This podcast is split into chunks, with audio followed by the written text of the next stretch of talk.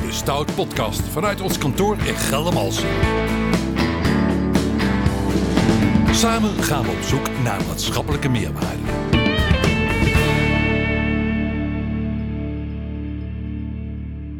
Ja, ehm, eh, goedemorgen vanuit de Geldermalse. Stoutgroep eh, podcast eh, opnamecentrum, zo noemen we dat eigenlijk. Goedemorgen. Ik kijk naar allemaal blije mensen. Eh Faisal Zouai is hier, Inderdaad. eh, raadslid GroenLinks, bestuurslid Islamitische Begraafplaats Nederland en wijkmanager gemeente Arnhem. Heb ik alles goed? dat klopt, ja. Toch? Ja, hè? Ehm, Victor Denteneer, adviseur bij de Stoutgroep. Online eh, aanwezig eh, vanwege een coronagevalletje thuis. Welkom, Victor. En Martijn van Randwijk, adviseur begraafplaatsen bij de Stoutgroep. Je hoort dat, hè, begraafplaatsen al. Ralf Buutner natuurlijk weer, mijn tafelheer. Yes. Het onderwerp van deze podcast Ja. is begraven en begraafplaatsen, tradities en ontwikkelingen rondom een altijd gevoelig onderwerp, Ralf. Ja. Wat dacht jij toen je opstond vanochtend een lekkere podcast opnemen? ja, het was een beetje zoals het weer, hè? Beetje Een grijs. beetje grijs, een beetje grauw. Mm, Maar het is ook een mooi onderwerp, toch, Faisal? Absoluut, absoluut. Wat is er mooi aan? Spreek je uit. Eh, de dood hoort bij het leven. Ja? Het is een essentieel onderdeel van het leven of na het leven. En eh, het, heeft, het raakt iedereen, maar ook mij persoonlijk. Eh, eh, onze tafelgast eh, Victor van de Stoutgroep, al- althans ik ben te gast bij de Stoutgroep, eh, die zit thuis in eh, isolatie. Ik had dat vorige week, ik was in quarantaine vanwege corona. En een dierbare, een, zeg maar een groottante eh, in het Nijmeegse is eh, komen te overlijden. Eh, eh, voor mij een lastig moment dat ik niet op een eh, fijne manier, een waardige manier afscheid kan nemen. Maar ook gelijk eh, het gesprek met elkaar, met de kinderen, met de kleinkinderen. Hoe gaan we oma, hoe gaan we moeder begraven en waar? Eh, je mag weten, ze komt eh, oorspronkelijk uit Marokko. Ehm, ver in de tachtig. Ehm, ik weet van haar man dat hij een aantal jaren geleden is overleden. Gerepatrieerd naar Marokko. En ehm, zij is op een hele waardige manier vorige week maandag begraven in Nuenen bij Eindhoven.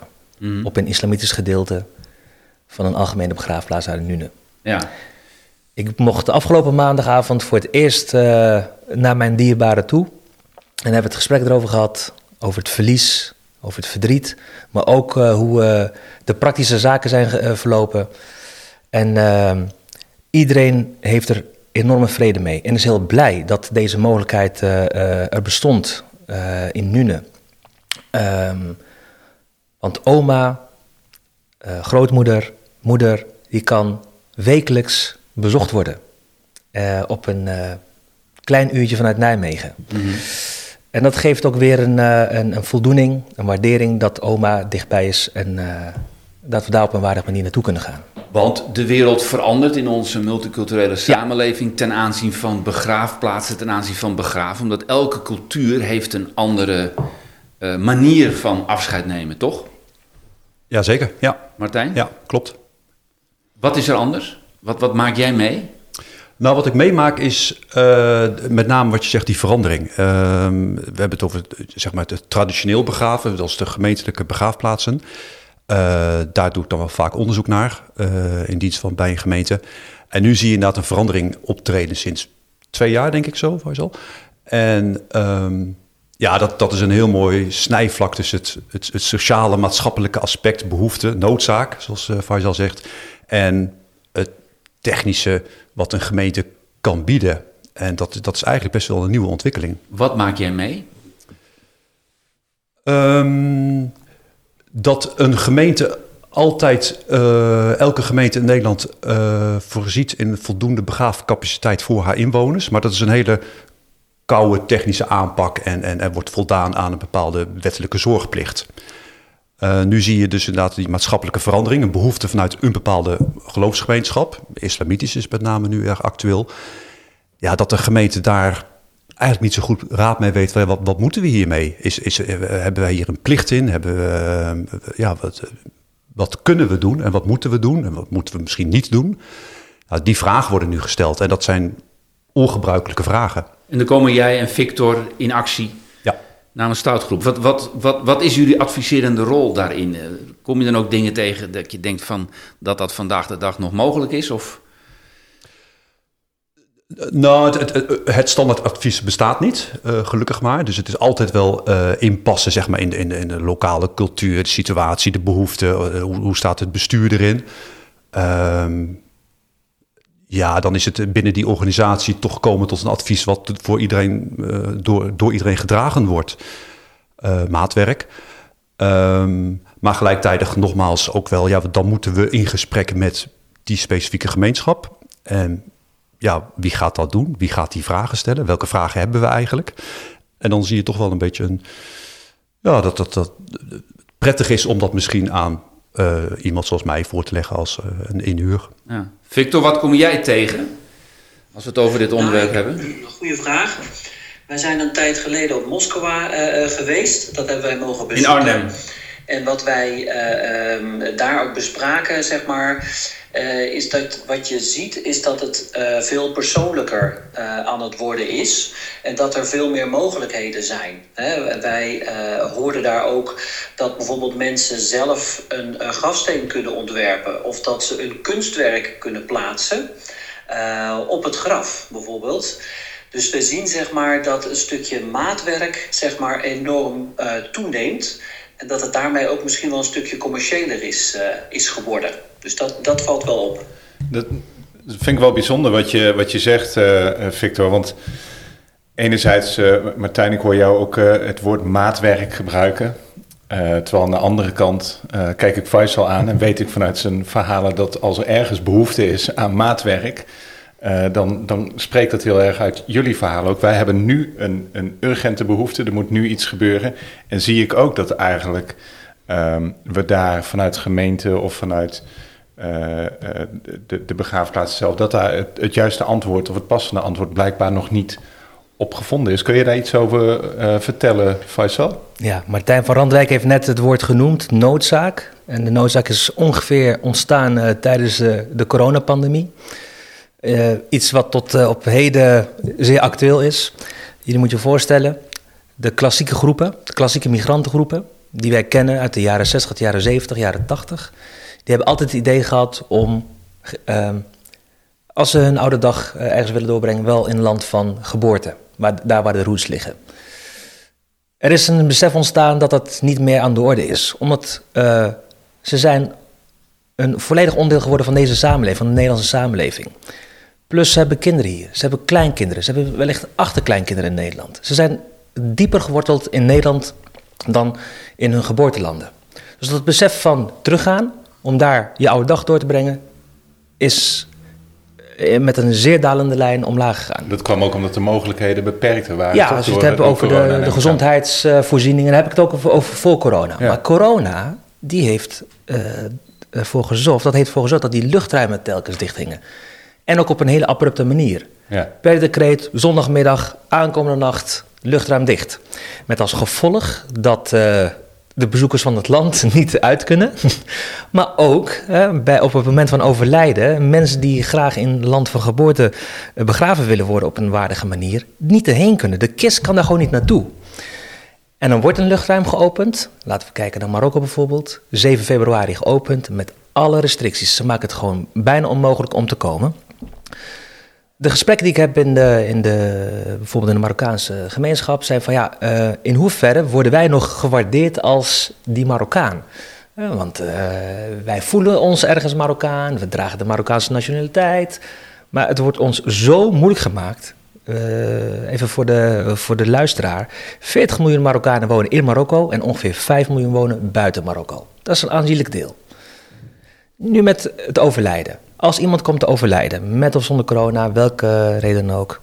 Je kunt niet heel makkelijk uh, uh, naar Marokko. Want in, om jullie een beetje mee te nemen, als overleden moslim dien je zo snel als mogelijk begraven te worden. Uh, daar gaat wat tijd overheen als je, als je gaat repatriëren, maar dat, dat is acceptabel.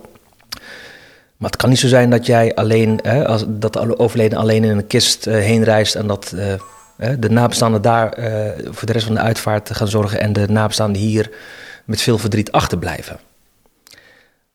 Daar is de noodzaak ontstaan en de noodzaak heeft het besef uh, uh, doen groeien dat, hé, hey, trouwens, ik ben hier geworteld. Eh, en toen zijn mensen ook eh, gaan zoeken naar bronnen. eh, bronnen, wat zegt de islam hierover? Nou, waar we induidelijk over kunnen zijn vanuit islamitische oog, eh, ooghoek of oogpunt is... daar waar je hebt geleefd, daar dien je ook begraven te worden. En dan ontstaat de vraag, dan gaan we met elkaar in gesprek. En het gesprek heeft ons eh, gebracht bij eh voormalige minister van Eredienst, Grapperhaus. En die heeft ons verteld van, je moet jezelf organiseren. En dat is eh, zeg maar het pad richting waar we nu zijn. bedoel je, je moet het zelf organiseren? Je moet jezelf gaan organiseren. Oké. En eh, we zijn gaan zoeken naar wegen. Hoe, hoe kun je jezelf nou organiseren om eh, dit onderwerp. Maar dan kom je dus bij de lokale overheid. Juist, ja. Wij moesten ons gaan organiseren. IBN, Islamische Begraafplaats Nederland, is een kerkgenootschap. Wij noemen onszelf liever een moskeegenootschap. Maar goed, dat is de, de naam van de entiteit. Dus, Want eh, er bestaat dus niet een, een, een moskeegemeenschap. Nee, toch? dus, dus eh, ook aan de Maar, beleidsmakers. maar als ik even mag onderbreken Ja, met ja. ander, ik heb het gevoel dat dus die hele Nederlandse lokale begrafeniscultuur Ja. hier totaal niet op berekend is dat het nog Nee. erg Nederlands traditioneel is. Juist. Waar je tegenaan loopt. Ja, waar we, waar ja. jullie met z'n allen tegenaan lopen. Nou ja, toch? sterker nog denk ik, Jan, dat, dat eh, eh, als ik naar mijn eigen omgeving kijk, dat, er, eh, dat, dat die behoefte naar ehm, steeds alternatievere vormen van begraven er, er ook wel is. Dus eigenlijk sluit dat heel erg eh, eh, aan op het verhaal over, over maatwerk, zou je bijna kunnen zeggen. Alleen volgens mij zit er bij, de, bij het begraven vanuit islamitische overtuiging ook nog weer een aantal voorwaarden die, die het begraven ook weer een stukje lastiger Ja. maakt. Daar wil ik even op komen. En die, eh, je moet jezelf organiseren en de zoektocht en de gesprekken die eh, plaatsvinden. eh, worden wij verrast? Ontdekken wij nieuwe dingen als moslims?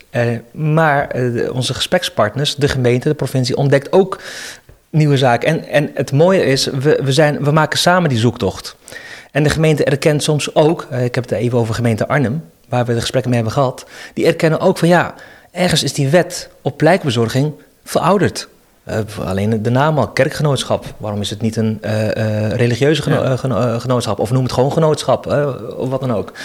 Ehm, waar we ook tegen, tegen zijn, ehm, tegenaan zijn gelopen is...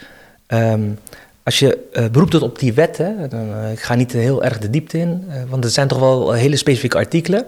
Als het gaat om bijzondere, bijzondere begraafplaatsen, dan, dan, dan krijg je naar rato een stuk grond. Eh, en dan de vorm, eh, algemeen of in eigen beheer, et cetera, dat, dat laat ik even voor wat het is. Maar dan moet, je, eh, dan moet je de sterkte van je geloofsgemeenschap duiden. Nou, met, welke cijfers gaan we werken? Gaan we met de cijfers van CBS werken en af op etniciteit? Dan klopt dat niet al. want hoe berekenen we de, de Nederlandse bekeerling, de autochtone moslim? Hoe nemen we die mee in de cijfers? Ehm, ehm, eh, moskeeën hebben niet eh, registers waarin eh, leden met Mhm. naam en toename het hele huishouden zijn geregistreerd. Zo is dat niet. Dus ja, hoe ga je die cijfers aanduiden? Wat we wel weten zijn een aantal cijfers, zoals we weten dat ongeveer 5% van Nederland een islamische overtuiging heeft, in welke sector dan ook, dat doet er even niet toe. En dat die noodzaak er gewoon, gewoon erg hoog is. Als we kijken naar wat we nu in Nederland hebben aan islamische begraafplaatsen,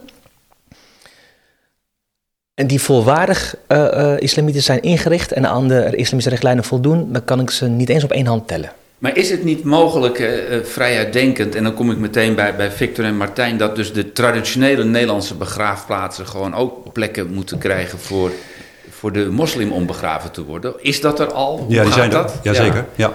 Je hebt twee soorten begraafplaatsen in Nederland. Je hebt gemeentelijke begraafplaatsen Ja. en je hebt bijzondere. Dat zijn particuliere begraafplaatsen. Nou, van die laatste categorie kennen we allemaal de katholieke, de protestantse en wellicht ook de Joodse begraafplaatsen. Dat zijn ze dan eigenlijk ook wel. Dan heb je ook nog wel privé begraafplaatsen hè, vanuit de adellijke eh, hoek. Ehm, maar dus, ja, dat is dan echt privé voor de familie. Ehm, en de gemeentelijke begraafplaatsen, ja, die zijn er, ja, zoals de gemeente ook dient, eh, voor iedereen. En daar heb je inderdaad over de klassieke eh begraafmogelijkheden. Maar op een gemeentelijke begraafplaats kun je specifieke vakken hebben, grafvakken hebben, die eh, toegewezen zijn aan een bepaalde geloofsgemeenschap. Dus er kan op een gemeentelijke begraafplaats één vak zijn voor islamitisch begraven. Maar dan gelden wel de regels van de gemeente. Dus tariefstelling, de duur van de grafrusttermijn, ehm, simpele dingen als openingstijden, de regelgeving van de gemeente geldt. En daar schuurt het nog wel eens, want de islamitische gemeenschap ziet, ja, maar dat, dat, dat volstaat niet in onze behoeften. Of noodzaak, hè, dat, om dat woord nog maar eens een keer te gebruiken. En daardoor is juist die behoefte ontstaan van, nou, dan, dan willen we het zelf organiseren. Wij willen ook een bijzondere begraafplaats, een particuliere begraafplaats.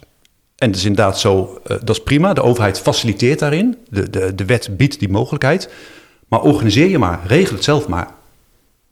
Dat is, uh, dat is inderdaad de, situatie zoals die nu voor ligt. En, en, en Martijn, vanuit jouw uh, expertise, hè, heb jij um, welke beweging zou, zou de gemeente nog meer kunnen maken om, om nog meer ruimte te creëren voor, voor dat maatwerk? Of heb je het idee van eigenlijk de, de ruimte die, zoals die er nu is, hè, en regel het zelf maar, want we faciliteren het eigenlijk al als landelijke overheid, die is, die is voldoende. Kun je daar iets, iets meer over vertellen? Ja, wat ik, wat ik, wat ik merk is, en, kijk, deze beweging waar we het nu over hebben, heel specifiek dat islamitische begraven, dat, dat is echt heel recent. Hè? Dus zoals Faisal dat, dat mooi formuleren, en dat is dus, uh, ja, dus een, de corona was een katalysator erin. Ineens, in één, twee jaar tijd, gebeurt van alles bij heel veel gemeentes. Gemeenten zijn daar nog niet op voorbereid. Ze anticiperen niet in die beweging. Want gelijktijdig zie je bij op gemeentelijke begraafplaatsen dat de, de, de, de behoefte afneemt. De vierkante meters uh, vragen uh, afnemen. Er wordt steeds meer gecremeerd door Nederlanders. Oké, okay, dus dat is ook een nieuwe ontwikkeling. Dat is, dat, nou, dat is niet zozeer een nieuwe ontwikkeling. Maar dat is al, denk ik, ja, dat is al tientallen jaren zo. Uh, zeker in de grote steden zie je dat, uh, dat, dat uh, ja, dan heb je het over 70, 80 procent van de inwoners laten zich cremeren. Dat, dat, dat scheelt een hoop ruimte zo.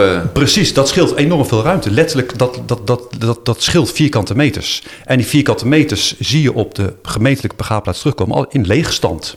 En je mm -hmm. ziet, ik ga maar naar een gemeentelijke begraafplaats en je zult zien, hey, er zijn holle kiezen, hè, gaven ontbreken in een rijtje, of een complete velden zijn gewoon leeg die liggen daar maar leeg. Um, ik vind, maar dat, dat, je als gemeente dan ook wel vanuit de duurzame grondgebruikgedachte daarop kunt anticiperen van ja, maar welke maatschappelijke ontwikkeling, behoefte ons is er? Nou, dat is islamitische begraven ook een mooi voorbeeld.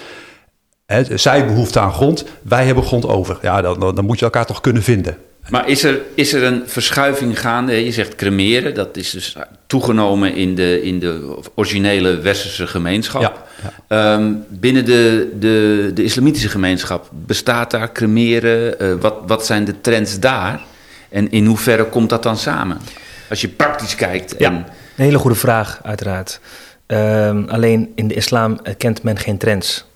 Uh, in de islam kent men uh, uh, bronnen. Tradities. Tradities, bronnen, die uh, heel feitelijk zijn en heel duidelijk aangeven van begraven doen we op deze manier. Er zijn ook richtlijnen.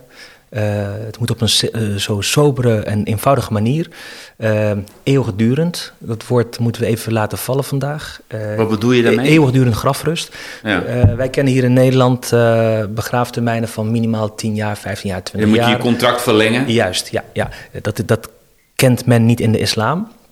Iemand gaat ter aarde en ligt daar. Uh, voor eeuwig? Voor eeuwig. Misschien tot de natuur dat gaat overnemen. Dat is ook precies waar we naartoe willen hier in het Nederlandse. Omdat wij die vraag uh, of die wens ook wel hebben om iets met natuur te gaan doen. Dat, dat, dus die werelden komen bij elkaar. Even terug naar. Maar als ik meteen met de, de deur in huis val, ja. is dan heel kostbaar, toch? Dat is een heel, een heel kostbaar plaatje. En dan, is, dan kom je op, uh, op mensen die heel reken, rekenkundig zijn van hoe kun je nou zoiets gaan exploiteren. En, uh, en met de uitdaging het betaalbaar houden. Want we hebben daar ook nog uh, wat in te doen richting deze islamitische gemeenschap in Nederland. Want um, even het voorbeeld van Amsterdam. Daar uh, kunnen we zeggen dat de islamitische gemeenschap goed vertegenwoordigd is. grond is schaars, de faciliteit is er. Er wordt geboden door de gemeente Amsterdam. Alleen als we kijken naar de tarieven, dan reis dat echt de pan uit, is niet betaalbaar. Omdat de oplossing eeuwigdurend is, ja, is het eenmaal uh, ook aan, onderaan de streep voor de gebruiker duur. Dan hebben we het echt over, nee, ik, zag tarieven op de gemeentelijke website van 11, 12 tot wel onder, net iets onder de 20.000 euro. Dat, dat, dat kun je niet, uh, niet veroorloven. Um, daarom moeten we het hebben over schaal. En de wet biedt, naar mijn inziens, daarin de beperking. Want um, ja, als je aan de gemeente vraagt, we hebben voor de gemeenschap uh, zo'n perceel nodig. Ja, dan zegt de gemeente, maar dat hebben we niet. En als we, we moeten ook de sterkte van jullie gemeenschap kennen om naar rato iets uit te kunnen rekenen. Ik vertel het even in simpele talen. Maar dat is een zoektocht die we continu hebben met de, mhm. met de, de, de, de, gemeente en de provincie. Dus dan kom je al heel gauw op, uh, inderdaad, uh, particulier, dus in eigen beheer, dus zelf exploiteren of uitbesteden. Ehm, en dan op een bepaalde schaal dat, dat je het onderaan de streep per graf betaalbaar kunt houden, zodat het voor de mensen om wie het gaat ook niet een te zware last gaat zijn. Ja, wat ik even wil weten van, van, van Victor en ook van Martijn, is dit wat, wat, wat Faisal vertelt, um, is dit voor gemeentes haalbaar? Staan ze daarvoor open? Of, of kom je dan tegen een gesloten loket aan te lopen? Of hoe, hoe gaat het in de praktijk? Nou, een hele goede vraag. Ik denk dat je, als we het hebben over, de trend, zou ik maar zeggen, dat je ook, um, wat Faisal net zei, over duurzaamheid, ook zeg maar het thema duurzaamheid is echt zeg maar de, duurzame uitvaart uh, neemt ook een vlucht. Je ziet dat zeg maar, steeds meer mensen ook duurzaam uh, begraven willen worden. Hè. Je hebt zelfs, een, dat noemen ze de living cocoon, zeg maar. Dat is een grafkist die heel snel uh, ontbindt, zeg maar. Waardoor je eigenlijk een soort van nou ja, ecologische footprint bijna achterlaat. dus dat is in ieder geval een trend wat we zien. Ik denk uh, dat als het gaat om het samenbrengen van de wensen, zeg maar, dat dat echt nog in de kinderschoenen staat. Hè? En uh, misschien, Martijn, kun je mij, uh, mij aanvullen op dit punt. Alleen wij, wij merken zeg maar, dat gemeenten heel erg zoekende zijn van, joh, hoe gaan we hier nu mee, hè? hoe gaan we hier nu mee om? En dat die oplossing ja, nog niet echt gevonden is. Martijn? Nou, wat Faisal net, de eeuwigheid, hij zegt dat dat moet besproken worden en dat gaan we nu ook bespreken. Ja, dat is nou typisch zo'n mooi punt waarbij een gemeente niks mee kan. Het bestaat niet. Vanuit een beheertechnisch oogpunt. Geen enkele lichtmast, geen enkele weg. Niks is eeuwigdurend. Beheertechnisch gesproken. Uh, sterker nog, in de, in de wet ruimtelijke ordening, of die nog niet vervangen is, um, een eeuwigdurende bestemming bestaat niet. Dus een, een, behoefte vanuit een bepaalde geloofsgemeenschap, die overigens niet alleen voorbehouden is aan islam, uh, nee, de islam, andere, Joods en, en, en, en, en uh, de, de, wat zwaardere gereformeerde hoek ook. misschien heeft iedereen wel een behoefte aan eeuwigdurende grafrust. Um, maar daar kan de overheid niet in voorzien. Het bestaat ook niet, wettelijk beschouwd. de mogelijkheid kan ook niet worden geboden. Ja, dan, dan gaat die schoen natuurlijk wringen. En, en, en, dus is het ook van, ja, los het dan zelf maar op. En dan, ja, dan, dan, dan kan de overheid alleen maar terugtrekkende beweging maken. Van, ja, ja regel het zelf. Maar wij gaan het niet voor jou regelen, want het bestaat niet. Dat is een hele ouderwetse uh, uh, standpunt van de overheid, dan de lokale overheid. Van los het zelf maar op.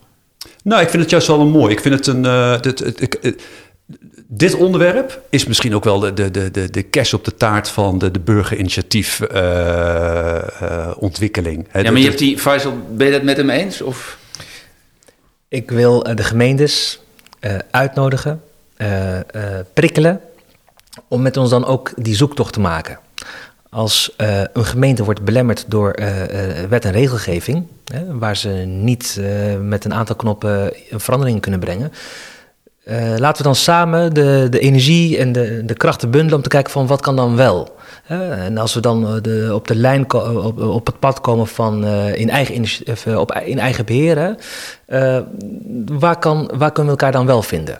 En in het Arnhemse hebben we elkaar gevonden als het gaat om duurzaamheid, als het gaat om natuur aanpakken. Want dan hebben we ons oog laten vallen op een stuk landbouwperceel.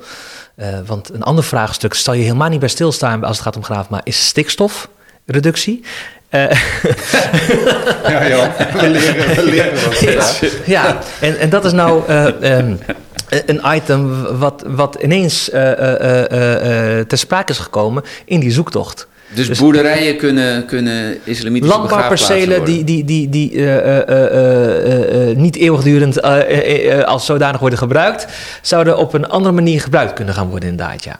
En ehm, dan maakt het ook de situatie stukken betaalbaar, want landbouwgrond heeft een bepaalde waarde, marktwaarde.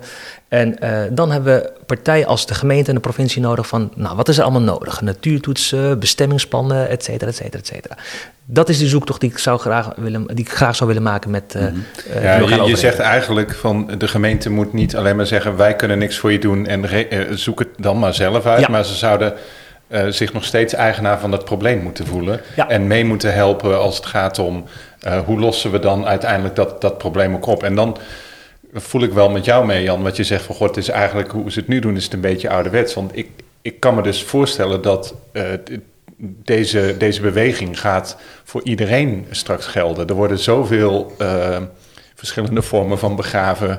eh, Het wordt, het wordt in mijn ogen allemaal maatwerk. Waar Exact. we vroeger alleen maatwerk hadden vanwege de kist, is het nu op een, op een heel ander trein Ja. maatwerk. En daar moet denk ik de gemeente ten aanzien van begraven en begraafplaatsen op inspelen. Heb ik het goed, Martijn? Ja, je hebt gelijk, het klopt. Eh, maar kijk, een gemeente is natuurlijk niet zo, zozeer een, een, een trendmaker. Uh, trendvolgen is al een, een, een, een hele uitdaging natuurlijk. En gelijktijdig, ja, de wet is al aangehaald. Hè, een hele oude wet. Hij is gewoon nog van toepassing. En daarin wordt die mogelijkheid tot wel degelijk geboden. Het staat er in drie regeltjes.